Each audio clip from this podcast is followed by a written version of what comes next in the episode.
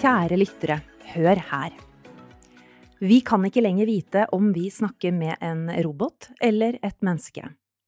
Bitte små roboter vil ta avgjørelser inne i kroppen vår. Kunstig intelligens går til krig. Du kan få datamaskinen din til å skrive boken du helst vil lese. Genetikk kombineres med kunstig intelligens. Tja, dette skal vi få høre mer om, for dagens tema er AI. Artificial Intelligence, altså kunstig intelligens på godt norsk. Velkommen til Miles-podden. Dagens gjester er Morten Gudvin, professor ved Universitetet i Agder, og Alfonso Canterla, senior data scientist her i Miles. Fortell litt om dere selv. Vi kan jo starte med deg, Morten. Så hyggelig å være her. Jo, jeg er professor ved Universitetet i Agder og har litt andre tentakler eh, noen andre steder også, bl.a. i Oslo Met. Uh, forsøker å gjøre noen startups. Men først og fremst så er jeg forsker på kunstig intelligens. Har jobbet med kunstig intelligens i snart 20 år. Uh, før veldig mange andre. Men det er jo veldig gøy å være med og se hvilken revolusjon som er i ferd med å skje. Jeg har jobbet med data hele livet, og 20 år siden så oppdaget jeg den fantastiske verden rundt kunstig intelligens. Ja, 20 år siden. Mm. Alfonso? Ja, jeg heter Alfonso og jobber som senior data scientist i Miles. Vi har en avdeling som driver med AI and data enablement. Før det har jeg jobbet som data scientist i forskjellige selskaper, f.eks. For If-forsikring, Nordea, eh, Oda i fjor. Eh, og så begynte jeg i Miles nå i januar. Og i tillegg så har jeg en doktorgrad fra NTNU. Eh, jeg forsket på automatisk talegjenkjenning. Ja, spennende. Jeg kan også bare si det at vi kommer garantert til å, til å, bruke både begrepet AI og kunstig intelligens kanskje litt sånn om hverandre, men eh, det håper jeg går helt fint for eh, lytterne våre. Dette med kunstig intelligens det er mer i vinden enn noen gang, kanskje av oppmerksomheten knytta til chat-GPT. Hvis vi skal starte med å gi en kort introduksjon på hva kunstig intelligens er, hva vil dere si da? Mm. Jeg har lyst til å definere det som et, et felt innen informatikk som fokuserer på å lage applikasjoner som kan gjøre oppgaver som vanligvis ville kreve menneskelig intelligens. Eh, vi snakker om oppgaver som f.eks. å kjøre biler, eh, skrive tekster, spille dataspill. Og så har jeg lyst til å si noe om maskinlæren, men kanskje du kan si noe om kunstig intelligens? Morten? Det kan jeg gjerne. Så det, er en myriade av definisjoner på kunstig intelligens. Og jeg har undret meg veldig ofte hvorfor det er så mange. For det eh, John McCarthy, som definerte kunstig intelligens i 1955, kalte det 'the science of engineering uh, of making intelligence machines'. Kort sagt på norsk betyr det altså når en maskin eller en robot eller et dataprogram oppfører seg smart, da er det intelligent. Og intelligent er jo, intelligens er også definert formelt med kompleks problemløsning. Så det betyr at hvis man, maskinen gjør, løser et komplekst problem, gjør noe virkelig smart som å spille sjakk, da er det virkelig kunstig intelligens. Uh, og så er har eh, norske strategi for kunstig intelligens en helt annen definisjon. Og så har IBM en helt annen definisjon. Og, og, mye av det handler om at man prøver å hive seg inn og bare si vi er den som driver med kunstig intelligens, som er helt annerledes enn alle andre. Eh, men sannheten er at det er en veldig enkel definisjon. Når robotene oppfører seg smart, da er de også intelligente. Og de er åpenbart også kunstige. Og for å få det til, så trenger man eh, veldig ofte maskinlæring, som Alfonso sier. Jeg hadde lyst til å snakke litt om det, fordi ofte når man snakker om kunstig intelligens, så er det faktisk maskinlæring man snakker om. Og det handler om å lage applikasjoner som kan lære eh, å gjøre oppgaver gjennom eksempler. Så for eksempel hvis man skal kile gjennom katter og hunder, har skrevet om det er en hund eller en katt, og så lærer applikasjonen helt for seg selv å kile framtidige eksempler av katter eller hunder. Men hvis vi ser på mulighetsrommet, hva kan vi bruke kunstig intelligens til, og hva er den eh, største fordelen med kunstig intelligens? Mm, jeg har lyst til å si hvorfor eh, jeg syns eh, kunstig intelligens er viktig. Og, det, og der, der, vil jeg gå hele veien tilbake til digitalisering. Så jeg husker på 80-tallet, da jeg gikk til banken med mora mi for å betale regninger. Eh, men etter hvert så ble det digitalisert, og så kunne man betale regninger eh, fra sofaen. Og det er eh, veldig convenient, men samtidig så er det fortsatt mange oppgaver som vi må bruke tid til. Eh, mye tenking i nettbanken, ikke sant? Eh, som betaler fakturaer. Har jeg husket å gjøre det, og videre. Eh, fra bankens side så har det også vært noen fordeler med digitalisering. De trenger færre konturer, det er færre folk som jobber i banken, men de har fortsatt en del eh, konsulenter og rådgivere. Neste steg det er kunstig intelligens, hvor eh, brukeropplevelsen skal bli enda bedre, og hvor prosessene skal bli enda mer effektive. Og så tenker jeg, hadde det ikke vært deilig å gå til en visning og si, vet du hva, her har jeg lyst til å bo. Ta ut mobiltelefonen og si Siri, kan du skaffe meg en finansieringsbevis? Ja, Alfonso, det skal jeg fikse. Det hadde vært så får man lov til å gi bud dagen etterpå. Mm. Det er derfor jeg syns kunstig intelligens er veldig viktig. Og jeg er at Bankeksempelet er meget godt, for de har jo gjennomført den digitaliseringen før alle andre gjorde det i praksis. Eh, og eh, banken er på ingen måte skadeskutt av den grunn. For en av de spådommene som kommer rundt kunstig intelligens, er jo jobbmarkedet som er i ferd med å endre seg drastisk. Og banken er et meget godt eksempel på hvordan de klarte å bruke teknologien på en god måte, skjønte hva internett var, og tenkte at dette var en muliggjøring for banknæringen istedenfor eh, et tegn på eh, undergang. Og det er jo det som er tanken rundt kunstig intelligens også. Vi må bruke det til det man tenker er nyttig. Eh, de som bruker det, eh, er morgendagens helter. De som ikke bruker det, vil antageligvis være som å gå i banken i dag. Eller ikke bruke, ikke bruke traktor hvis man er bonde, f.eks. Det handler om å være med eh, på den teknologiske utviklingen. Men du, Morten. Det er ikke mange dagene siden du stilte opp i NRK for å svare på lyttespørsmål om kunstig intelligens. Hva lurer folk egentlig på der ute? Ja, folk lurer på veldig mye rart. Og, og, det er jo når allmennheten spør spørsmål, så kommer det hva de lurer på. Og det er jo alt fra hvilke jobber er det som er utsatt, som vi har snakket om nå. Eh, svaret på det er at det er veldig få jobber alene som er utsatt, men det handler om hvem som klarer å dra nytte av teknologien. Man kan sammenligne det med eh, Kodak, som absolutt ikke klarte å skjønne at bilderevolusjonen var på vei, mens Instagram klarte å forstå hva det var som var i ferd med å skje. Og samtidig som Kodak gikk konkurs, så ble Instagram solgt for 13 milliarder dollar til Facebook. Og det, det forsvinner jobbene? Ja, hvis du ikke henger med. Så jobber er et typisk spørsmål. Men etikken rundt kunstig intelligens er også noe som spørres om veldig ofte. Så hva, hvordan sikrer vi at disse maskinlæringsmodellene ikke gjenskaper den type stereotyper som ligger i dataene, hvis man f.eks. skriver en skolestil, eller man bruker de i eh, juss, eller man bruker det til en del av ansettelse, eller man bruker det til å skape eh, lånemuligheter for folk, f.eks. Og dette kan man enkelt finne ut med ChatGPT, som sikkert veldig mange av lytterne har prøvd.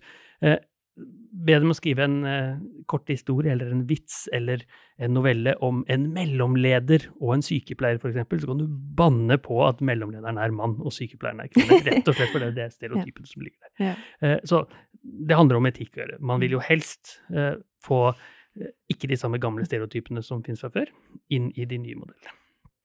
Et annet spørsmål som veldig, veldig ofte kommer, handler om våpenindustrien. For våpenindustrien er gjennomsyret av teknologisk utvikling. Man forsøker å lage mer og mer effektive våpen, eh, inkludert kunstig intelligensvåpen, maskinlæringsbaserte våpen. Og i Ukraina-krigen i dag så er det helautonome droner som er med og skyter, fra Iran blant annet.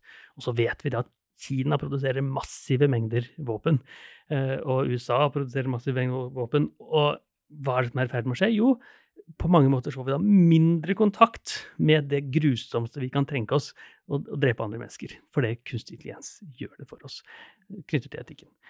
Og siste tema som alltid kommer, som også kom da jeg snakket for NRK i forrige uke, var jo eh, hva kommer i fremtiden? Ja. Og det vet jeg vi skal snakke litt mer om litt senere. Ja, absolutt. Men jeg har jo lært meg at eh, det er noe som heter generativ AI, altså en form for kunstig intelligens som genererer nytt innhold som ligner på eksisterende innhold, og dette handler om alt fra tekst, bilder, lyd osv.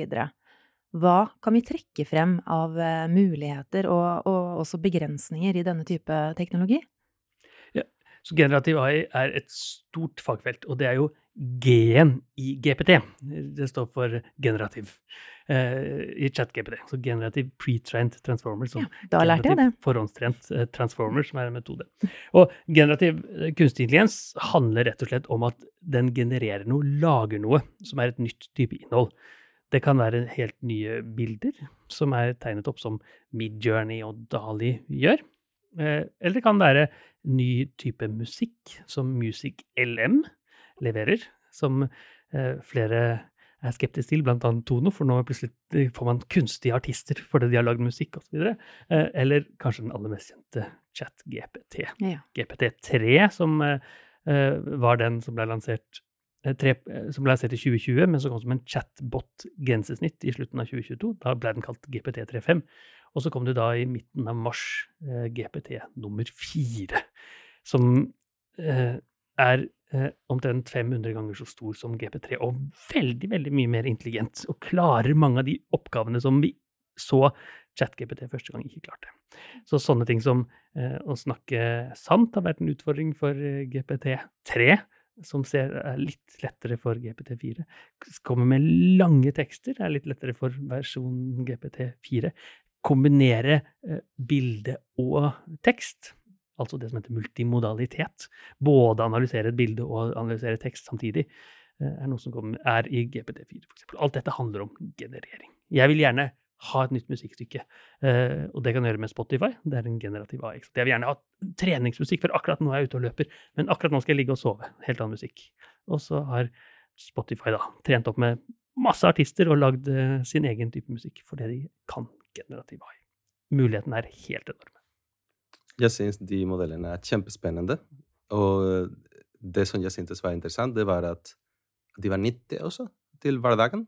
Så da ChatGPT kom eh, i fjor, jeg begynte å teste det for eh, tulleapplikasjoner, som f.eks. å generere en oppskrift med de ingrediensene jeg hadde hjemme. Og det, det fungerte veldig fint. Og det var så bra at jeg tenkte men vent litt, kanskje dette kan være til og med nyttig til jobb? Så begynte jeg å teste det f.eks. For, for å programmere.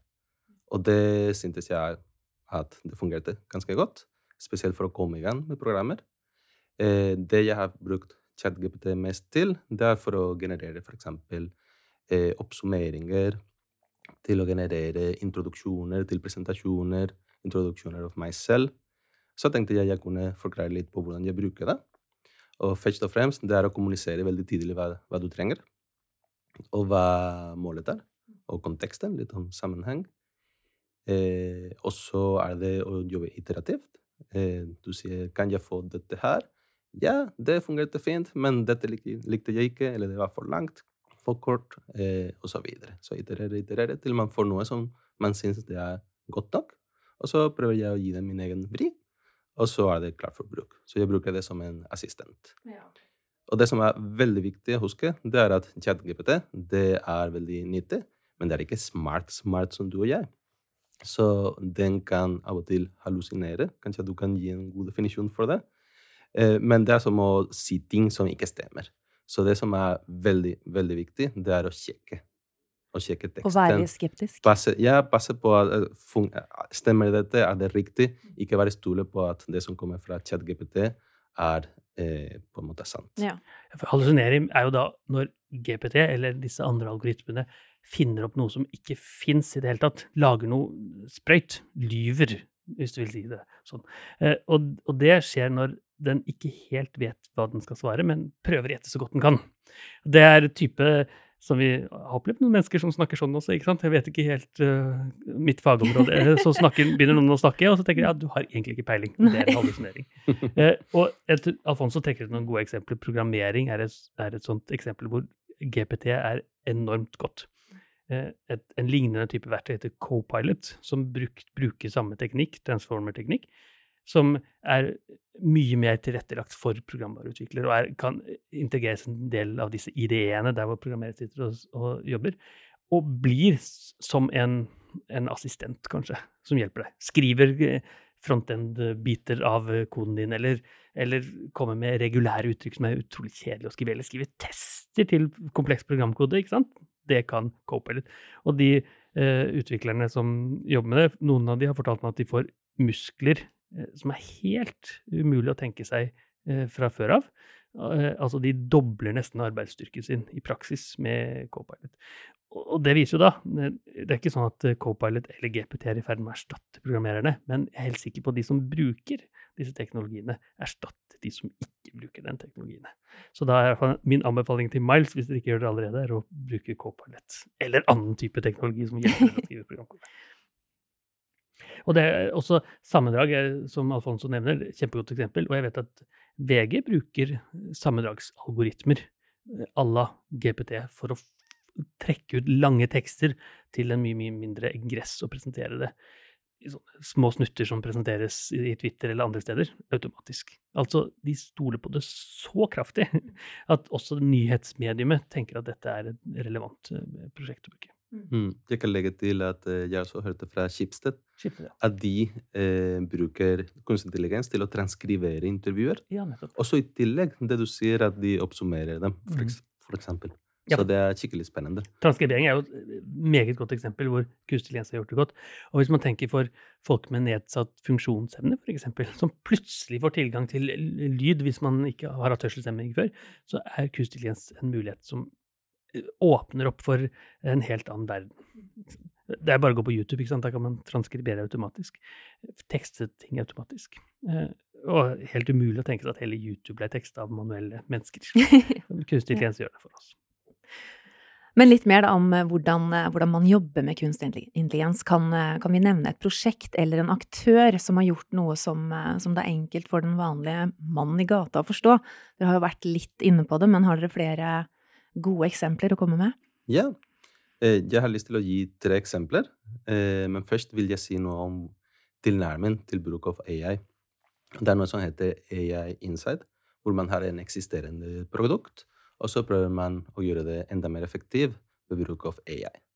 Og så tenker jeg f.eks. en bil. Man kunne legge til en eh, GPS med ruteoptimalisering. Da er det mye mer effektivt, men man må jo fortsatt kjøre selv. Så har vi en tilnærming som heter eh, AI First, hvor man på en måte spør seg selv hva er det beste jeg kan bygge med kunstig intelligens. Og så, så leverer man unike brukeropplevelser. En eksempel med bilen det er å si nei, nå, nå kan vi kjøre bil med kunstig intelligens. Hva er den beste bilen? Det er ikke en bil lenger, det er en kjøretøy. Kanskje uten rattet, med mye mer plass til å slappe av. Kanskje til og med med en massasjestol bak. Oi, ja, det vil jeg. Ja, det hadde Ja, fint. Og den kjøretøy ville åpenbart ikke fungere uten AI. Nå er det ikke rattet lenger. Jeg skal gi tre eksempler, tre suksesshistorier. Den første er fra Google, men det er ganske enkelt å forstå. De har data centers, ikke sant? masse maskiner inne, med datamaskiner som skal være kjølig. Så de har kjølesystemer, og de brukte kunstig intelligens til å optimalisere det. Og jeg husker de rapporterte ca. 30% energibesparelse ved bruk av kunstig intelligens. Så var det en eksempel fra Oda. Eh, her i Oslo og Oslo-området så har vi Oda, som leverer mat til folk og andre varer. Og så har de en stort problem hvor det er mm, flere tusen kunder i hver eh, time, eller noe sånt. Og så har de biler, eh, flere hundre biler som skal kjøre. Men hvor skal bilen kjøre, hvilke kunder kommer først, osv. Så, videre. så da har de brukt kunstig intelligens til å optimalisere det. Og jeg tror de rapporterte 10 mindre tid, kjøretid, og 10% mindre avstand. Og det siste eksempelet jeg hadde lyst til å snakke om, det er f.eks. i Visma og Avinor. Så hadde de en felles e-postadresse eh, for å ta imot spørsmål fra kunder, kundesupport osv. Og, og så brukte de eh, kunstig intelligens til å sende e-postene til riktig ekspert. Og det fungerte også veldig bra. Ja, det er mange eksempler vi kan dra fram. og Det Google-eksempelet med optimalisering av lagre, det var inspirasjon til et eh, prosjekt som vi fikk sammen med Rema 1000, som handlet om å optimalisere deres store, kompliserte kjølelager. kjølelager. Eh, og, og tanken der var at man ser på når det er lurt å lade opp batteriet, når det er lurt å bruke strømmen du har, fordi strømmen kommer til å bli billigere om en, en 24 timer f.eks., men også med tanke på hva du kan eh, bruke av strøm for å kjøle ned lageret. Kanskje er det greit at det er på eh, to grader, men kanskje er det også greit at det er på fire grader. Men hvis du f.eks. har medisiner som ikke skal gå over fem grader, så er det veldig viktig at du, du passer på at du ikke ødelegger dette. Og dette blir da et veldig veldig komplekst optimaliseringsproblem som bunner i å spare penger og spare strøm. Og Rema 1000 brukte jo teknologi for å få dette virkelig virkelig godt til, inspirert fra store, gigantiske Google. Masse andre eksempler også. En bedrift som vi samarbeider mye med eh, her i Oslo, som heter Fjong. Kanskje noen kjenner til den bedriften. Det handler om å leie ut klær. Og de har jo da en anbefalingsmodul, som betyr at du har forslag til hva slags type klær du skal leie ut. Eh, og sånn anbefalingsmoduler fins overalt. Vi har det på Amazon f.eks. Men felles for de aller fleste er at de er basert på tusenvis av produkter. Du som kjøpte det, kjøpte også det. Men når du leier ut klær, så fins det kanskje bare ett eller veldig få av det samme plagget. Og da blir det mye, mye vanskeligere. For å løse dette kreves det da kunstig intelligens. Eh, et annet eksempel fra Sørlandet hvor jeg bor, eh, Dyreparken, bruker da kunstig intelligens ikke på dyrene på noen som helst måte, men for å få brukerinnsikt hos, hos eh, publikum.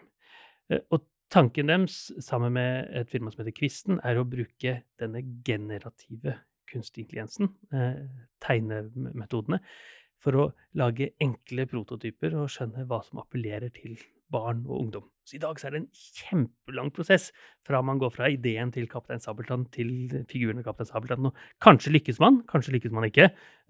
Men hvis man lager en generasjon med kunstige figurer i f.eks. Roblox, så kan eh, små ungdommer og barn spille, og så kanskje de spiller mer med den figuren, den figuren og så kan kunstig skjønne jo, akkurat her er det noe, og så lager vi en ny, og så lager vi en ny, og så lager vi en ny, og plutselig i løpet av noen timer så har vi da gjort samme type arbeid som egentlig krevdes årevis av, til, til, eh, av arbeid før.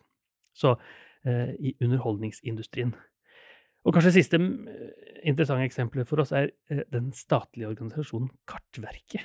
Så tenker jeg Hvorfor trenger man Kartverket når man har Google Maps? Jo, de gjør mye eh, bra, og, men Veldig mye av kartverket har vært manuell prosessering. De sitter og ser på satellittbilder eller på flyfoto, og så tegner de et omrisse av huset. Så regner de ut ca. hvor høyt huset er. Og så har de outsourca veldig mye av det til India, og så kvalitetssikrer det i Norge.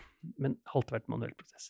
Og vi som har jobbet med kunstig intelligens, skjønner at hvis du tar et par bilder av et hus fra forskjellige vinkler, så kan du selvfølgelig skjønne hvor huset er, eh, men samtidig skjønne høyden på det, og finne ut om du har bygd en garasje der hvor du kanskje ikke hadde lov til å bygge det. Og så kan det gå sånn pling!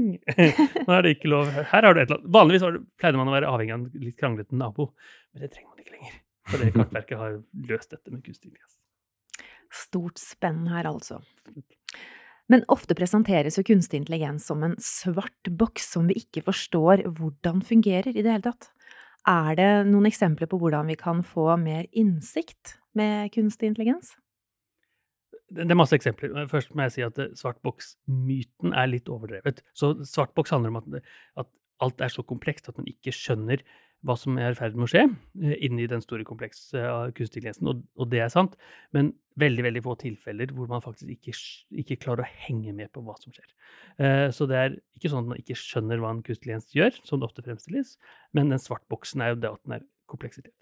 Og, det, og, det, er masse eksempler hvor vi kan bruke kunstig intelligens til å gi mer innsikt. Så et eksempel som kom fra Simula, hvor man brukte kunstig intelligens til å analysere øyeepler for å finne sykdommer. Og så fant de at noen var, eh, øyet var syke og noen var friske, ikke så overraskende. Men så fant de også at det var vesensforskjell på kvinner og menn med diabetes. Altså ny medisinsk innsikt som legene syntes var kjempenyttig. Man visste ikke at det var en stor forskjell på eh, kjønn på diabetes, eh, men så viste det seg at denne kunstig oppdaget den type forskjell. Eh, og, det, og, det, er jo da en maskinlærings, og formelt sett en ikke ikke-veiledet maskinlæring. Det betyr ikke at man har fasit, som Alfonso snakket om katt og hund, men man bare her er det uh, øyer, uh, kan du finne ut uh, feil på det? Og så grupperer den menn og kvinneøyer, uten at noen gang har fortalt at det er menn og kvinneøyer, i forskjellige grupper. Og så sier legene oi, det var interessant, nå lærte vi noe nytt. vi snakket om blackbox, og at det kan være litt utfordrende av og til. Eh, og så hadde jeg noen morsomme ting å si. Det første er at eh, det er noen teknikker til å fa faktisk forstå prediksjoner, hva modellene sier. Så er det slik at av og til så er det ikke utfordrende, fordi det kan være mennesker som tar imot si, tipser eller anbefalinger fra en eh, kunstig intelligensmodell. Og så kan man personen dobbeltsjekke og si ok, men dette faktisk stemmer, jeg gjør som modellen sier, eller, eller ikke. Av og til så er det lover som sier at skal man bruke en modell. For, for å si får gjerne lån eller ikke, så er det faktisk lover som sier at man må kunne forklare prediksjonene. Mm. Og det er eh, en siste ting som jeg synes var veldig spennende. Det er at det er forskning som viser at noen ganger det at en modell er en black box, gjør at de som skal bruke eller ikke bruke de prediksjonene, eh, stoler mer på den. Fordi de forstår ikke det, og da antar de at det er smarte folk som har utviklet det. Og når de fikk på en måte en forståelse på hvordan, hvordan modellen fungerte, så fikk de eh, klarte de de, de, eh, de overstyrte modellen litt oftere. Så mening ha mystikk i algoritmene, tenker du altså? Ja. ja. ja. Så jeg har et annet eksempel på innsikt. Vi jobber en del med biologi. Og en, en av de oppgavene biologene gjør, det er å telle antall fisk ett år og se hvor mange av disse fiskene som er der året etter.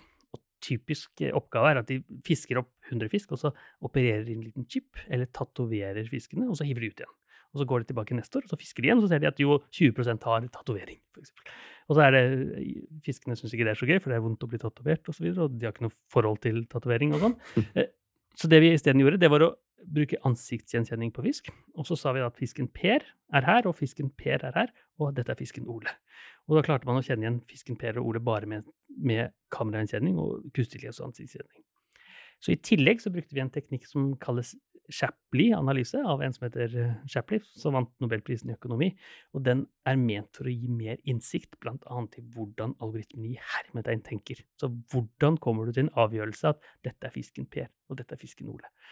Og da forteller denne chapli-metoden oss at uh, for å skille mellom Per og Ole, uh, så uh, på leppefiskene som vi jobbet med, så var det nøyaktig stripene på fisken som var relevant. Du kan tenke på det litt som en sebra. Hvordan skiller en sebra fra en annen sebra? Jo, det er noen striper. Det, og så visste man ikke helt at det var stripene som var relevant, men det viste at det var det kunstig intelligens fant ut. Så da var det bare, ikke bare sånn at den typisk fant riktig kategorisering, men også fortalte biologene om et biologisk innsikt. Den ga så mye, mye mer verdi for biologene enn det bare klassifiseringen alene ville gjort. Hm. Ikke lett å følge med her, altså. Det må jeg, det må jeg bare si. Men dere, har vi noen anbefalinger til eh, bedrifter som er nysgjerrig på bruken av eh, kunstig intelligens, kanskje spesielt mindre bedrifter? Hvordan kan de gå frem for å teste om eh, kunstig intelligens kan bidra til å løse enkelte utfordringer for dem? Det er masse små bedrifter kan gjøre. Og, og det jeg tenker Det første er jo å tørre å være med på dette kappløpet. Ja. Skjønne hva man skal bruke teknologi til og, og ikke til. Men det å også eh, samle data, f.eks. Det fins enormt med data som mange bedrifter har, som ofte kan være grobunn for god kunstig intelligens. Men det aller første bedrifter bør gjøre, er å tenke hva er det denne kunstig intelligens-algoritmen skal løse? Hvilket problem er det som faktisk er der? Eh, og det er ikke sånn hell på to kilo kunstig intelligens for å løse det, sånn som mange gjør eh, fra styrerom av og til. Eh, men det handler om at her har jeg en utfordring. Kanskje den eh, kan løses med kunstig intelligens, men kanskje det, finnes det helt andre teknikker som er vel så gode. Og når man først skjønner hvilke problemer man skal løse, så kan man tenke ja, har jeg noe data? Og kanskje er svaret ja.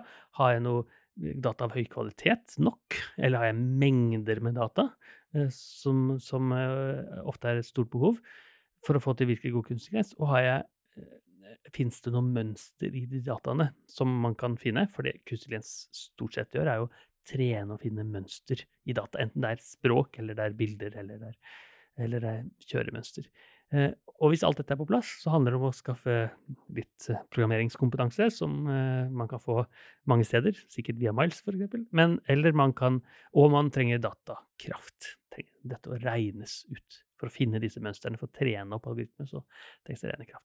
Så første spørsmål, eller første bud, er hva skal kunstig intelligens egentlig brukes til? Hmm. Jeg er helt enig med deg, Martin. Det å ha en forretningsmål det er superviktig. Det å forstå hvor verdien ligger, og hva selskapet skal få ut av det, det er superviktig. Eh, så som du sier, ferdigheter, det er viktig. Eh, når det kommer til ferdigheter, så er det greit å ha noen profiler i et selskap, som f.eks. en som har peiling på, peiling på data engineering eller data science. Eh, data det er veldig viktig. Data burde være relevant. Det, det burde ha en del kvalitet og være enkelt å, å bruke. Og det betyr f.eks. at det er enkelt å finne, enkelt å forstå osv. Eh, som du sa, data skal prosesseres og lagres, og en dataplattform det er kritisk. Og en siste ting, når man kommer litt lenger bort i den kunstig intelligens-løypen, det er å ha en, noen type maskinlæringsplattform hvor man kan trene modeller, deploye dem, eh, monitorere dem osv. Det høres ut som at eh, det også kan være noen utfordringer, da. Kan vi på noen måte regulere det her? Ja, det kommer en stor eh, regelverk fra EU, tror jeg, Martin? Det, det gjør det absolutt. På EU-språk, eller på engelsk, så heter den AI Act. På norsk så heter den kunstig intelligens-forordringen. Mm -hmm. eh, og det handler om, eh, mye om hva kan vi bruke kunstig intelligens til, og når kan vi bruke det. Og hoveddelen til denne reguleringen, som hvis den blir sånn som den ligger nå, da den ligger til høring, så det kan godt hende det blir store endringer, men det er at den grupperer eh, de anvendelsesområder i eh, hvor risikofylt er det. Så hvis man bruker kunstig intelligens til noe som ikke har noe risiko i det hele tatt, f.eks. å spille sjakk, så kan du gjøre det uten noen som helst regel. Det spiller ingen rolle om du bruker en eh, kunstig intelligens hvor du har trent med mye data, lite data, eller trent med bare menn, eller sånt det går greit. Eh, helt andre enden er det eh, hvor det er meget, meget høy risiko, sånn som overvåkning av mennesker på gata for å gi dem poeng, som gjøres i Kina f.eks. Finnes ingen måte du kan lage den teknologien på som gjør det etisk riktig. Helt uholdbart. Veldig veldig høy risiko for at det kan bli brukt feil av myndigheter eller av politi eller av forsikringsbransjen. Og så finnes det mange, eh, mange mellomsteg mellom der. Og innen helse, f.eks., eller innen utdanning, eh, så eh, kategoriseres det som høy risiko, eller offentlig forvaltning. Og da settes det en rekke regler, som Alfonso har egentlig vært inne på, blant annet at eh, man skal få forklart hvorfor en avgjørelse blir tatt. Altså, hvis jeg ikke får lån, så bør jeg få forklart hvorfor. Det er ikke nok å si bare 'du fikk ikke lån'. Eh, men da kan det være at det kommer en sånn Chaplin-analyse som vi snakket om, som sier eh, jo det er pga. betalingsanmerkningen for tre år siden. Eller hvis den da sier det er fordi du har feil kjønn, så må du si at ja, eh, dårlig algoritme, bytt den ut. Og det er det som er poenget. Og i tillegg så skal det være, hvis det er en del av offentlig forvaltning, som eksamenskaraktersetting, f.eks., som er en del av min hverdag, så skal det være som innspill til et menneske som tar avgjørelse. Altså være beslutningsstøtte. Eh, det betyr at jeg kan ikke, hvis denne loven blir, eh, blir gjeldende, bare automatisere eh, karakter på eksamen. Må, algoritmen må gi meg forslag til en eksamenskarakter, og så må jeg godkjenne. Som gjør det litt tyngre enn å bare automatisere hele prosessen bort. Men det kan være fornuftig, for det, noen ganger så gjør disse kunstintelligensene ganske grove feil. Og det er det man ikke vil. En sånn grov feil skjedde i Nederland, hvor man brukte kunstig til å, til å finne eh, juks på eh, stønader. I norsk, Norge ville vært en type Nav-ordning i Nederland. Og så viste det seg at den var mye strengere mot én gruppe befolkning enn annen, og det var de som var innvandret til eh, Nederland. Og så ble samme, eh, og, og, rett og slett grunnen til at den var strengere, var fordi de var høyere representert i den ene gruppen enn den andre. Og så er det mange grunner til det. Det er mye sosioøkonomiske vanskeligheter som skyldes dette. Men så ble samme algoritme brukt til bl.a. Uh, barnefordelingssaker osv. Og, så og i tillegg, til slutt så endte det opp med at uh, den algoritmen som var rett og slett bias, var mye strengere mot den innvandrerbefolkningen enn resten av Nederlands befolkning. Uh, fikk jo da uh, mye vanskeligere å få tilgang til sine barn på grunnlag som egentlig ikke var til stede. Rett og slett fordi vi aksepterte denne svartboksalgoritmen uten noen ekstra forklaring. Altså, det er at, uh, en av grunnene til at kunstig intelligens-forordningen er på full fart inn i EU. Vi må regulere dette. Jeg er veldig optimistisk, og jeg er ikke så bekymret. Jeg syns at ofte eh, de situasjoner som er vanskelige med kunstig intelligens, som er utfordrende, de kan løses ved å ha en human in the loop. Altså at en menneske er fortsatt en del av den beslutningen som, som skal tas. Og uh, det, er jo, det er jo en viktig sak å tenke på er de etiske utfordringer, men for de selskapene som er små, som eller, eller eh, eh, medium, som vurderer å komme i gang med kunstig intelligens, så er det sannsynligvis ikke noe utfordring for dem i det hele tatt. Det er å, å tenke på hva kan de bruke AI til, og så komme i gang. Det er veldig bra. For hvis vi da ser fem år eh, frem, tør vi å se inn i krystallkula? Hvordan eh, tror vi kunstig intelligens vil prege verden? Nå nevnte jeg jo en del ting innledningsvis, men eh, fyll gjerne på.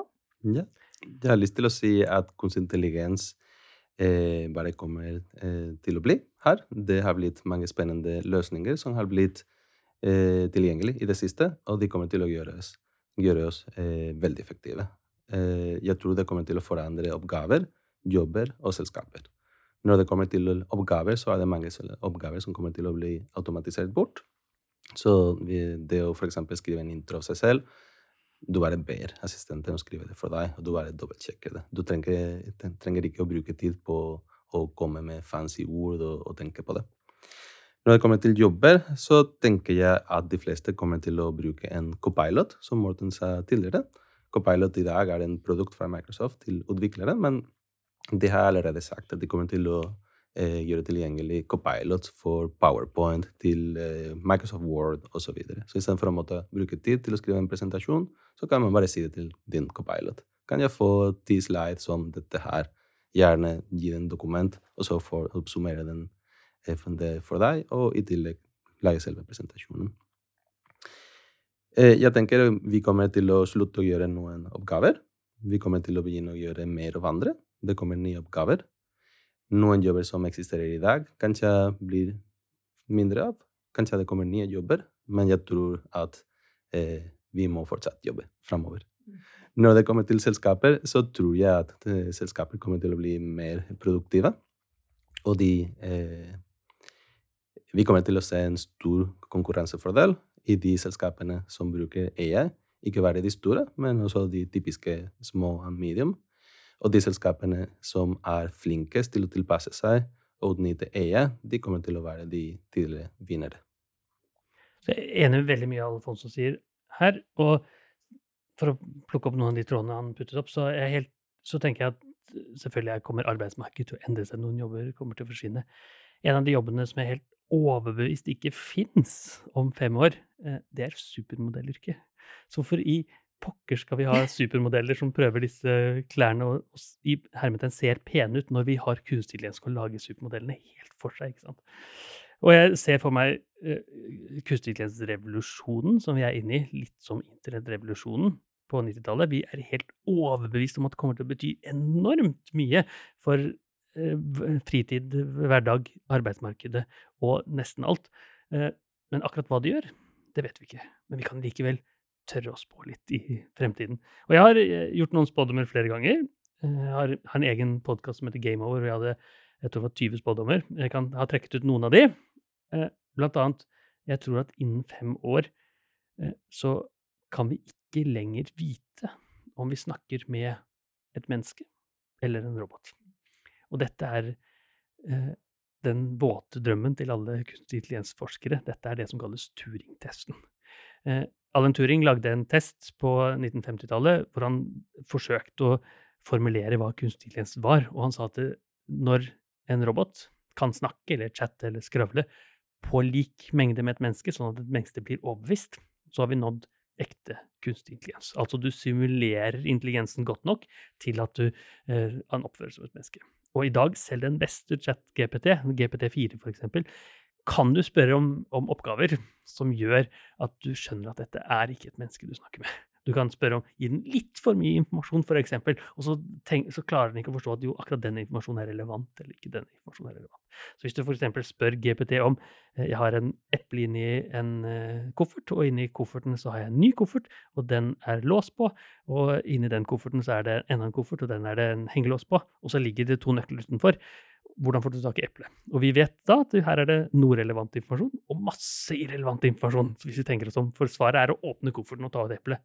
Mens GPT klarer ikke å skille mellom relevant og ikke relevant informasjon. Så det er ett eksempel som vi mennesker er mye flinkere til GPT. Og jeg vil tro at det, i fremtiden så kommer det til å være sånn at mennesker og roboter oppfører seg likt. Og det betyr at uh, en spam-robot ikke nødvendigvis er en, en, en som sender e-post fra en prins i Nigeria som trenger 10 000 kroner eh, for å få to millioner oversett, men noe som er mye mer tilrettelagt. Eh, kanskje som har gått på min Facebook-profil eller Insta-profil eller noe sånt, og lært litt om meg. Eh, etterligner stemmen, for det fins det allerede teknikker som gjør, til kanskje min kone eller mine barn eller min mamma, og sier at jo, husker du du var på hytta forrige uke, du glemte igjen skiene dine, kan ikke du bare sende over kontonummeret også?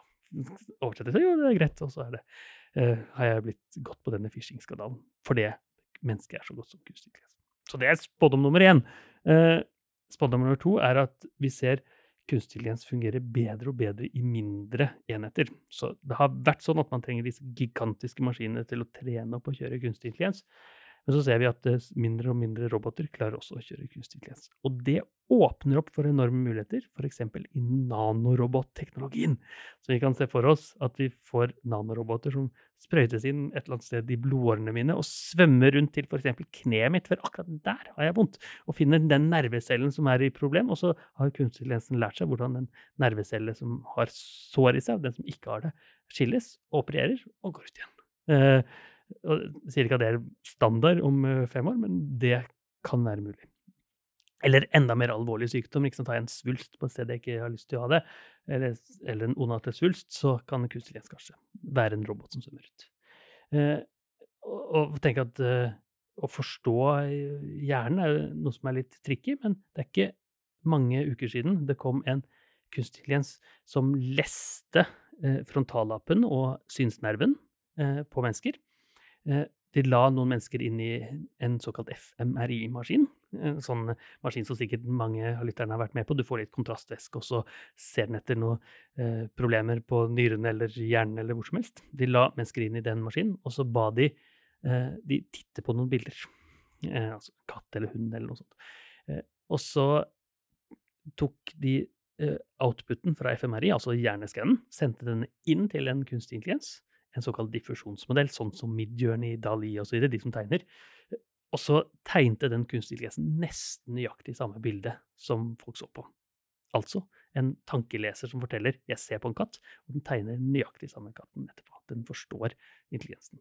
Og det fins allerede nå. Eh, og med tanke på at det, det fins patenter på å lese eh, oksygenopptaket i nervecellene, bl.a. av en som heter Peter Thiel, som satt på styret i Facebook, eh, som forteller om ambisjonen av dette. Så å koble sammen kropp og menneske, eller genetikk, som vi ser kunstig intelligens leser mye mye bedre.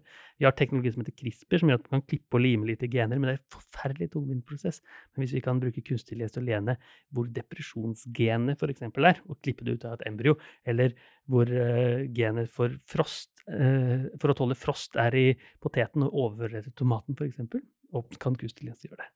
Uh, og det betyr også at, som du nevnte helt tids, tidsmessig, at vi får kombinasjonen av gener og kunstig intelligens.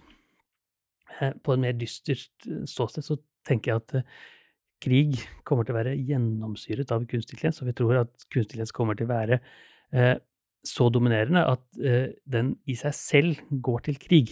Altså ikke at roboter slåss mot roboter på noen måte, men at det er de teknologiske maskinlæringsalgoritmene som tar avgjørelser i slag i våpenindustrien, og er med og skyter og ødelegger. Eh, og da kan vi miste totalt kontroll. Eh, og den siste spådommen min er, eh, handler om litteratur. Jeg er veldig glad i litteratur, for jeg tror kunstig intelligens kan ikke bare snakke som et menneske, oppføre seg som et menneske, eller høres ut som et menneske, men også kanskje skrive en bok som et menneske. Kanskje ikke Harry Potter eller Ringenes herre eller Dune, som er bøker som jeg liker, men eh, kanskje litt lavere kvalitet, da. Som kan hjelpe. Og det betyr at jeg får akkurat den boken jeg vil ha. Kanskje mine barn er interessert i Pokémon, men også drager, og skal gå på svømmetrening og spille piano. Boka er på plass for deg. Det tenker jeg. Og i så fall, eh, det er bøker som jeg har lyst til å lese. Spennende tider, definitivt. Det å komme med noen eh, oppsummerende ord syns jeg faktisk eh, er vanskelig. Eh, kunstig intelligens er definitivt et område i, i, rivende utvikling. Det kommer som et dundrende lokomotiv. Vi kan like det eller ei. Det er et stort mulighetsrom som vi har fått høre om i dag, og det er kanskje enkelte utfordrende aspekter også ved kunstig intelligens i fremtiden. Og uansett så må jeg bare si tusen takk for en veldig interessant samtale. Tusen takk. Takk i like måte.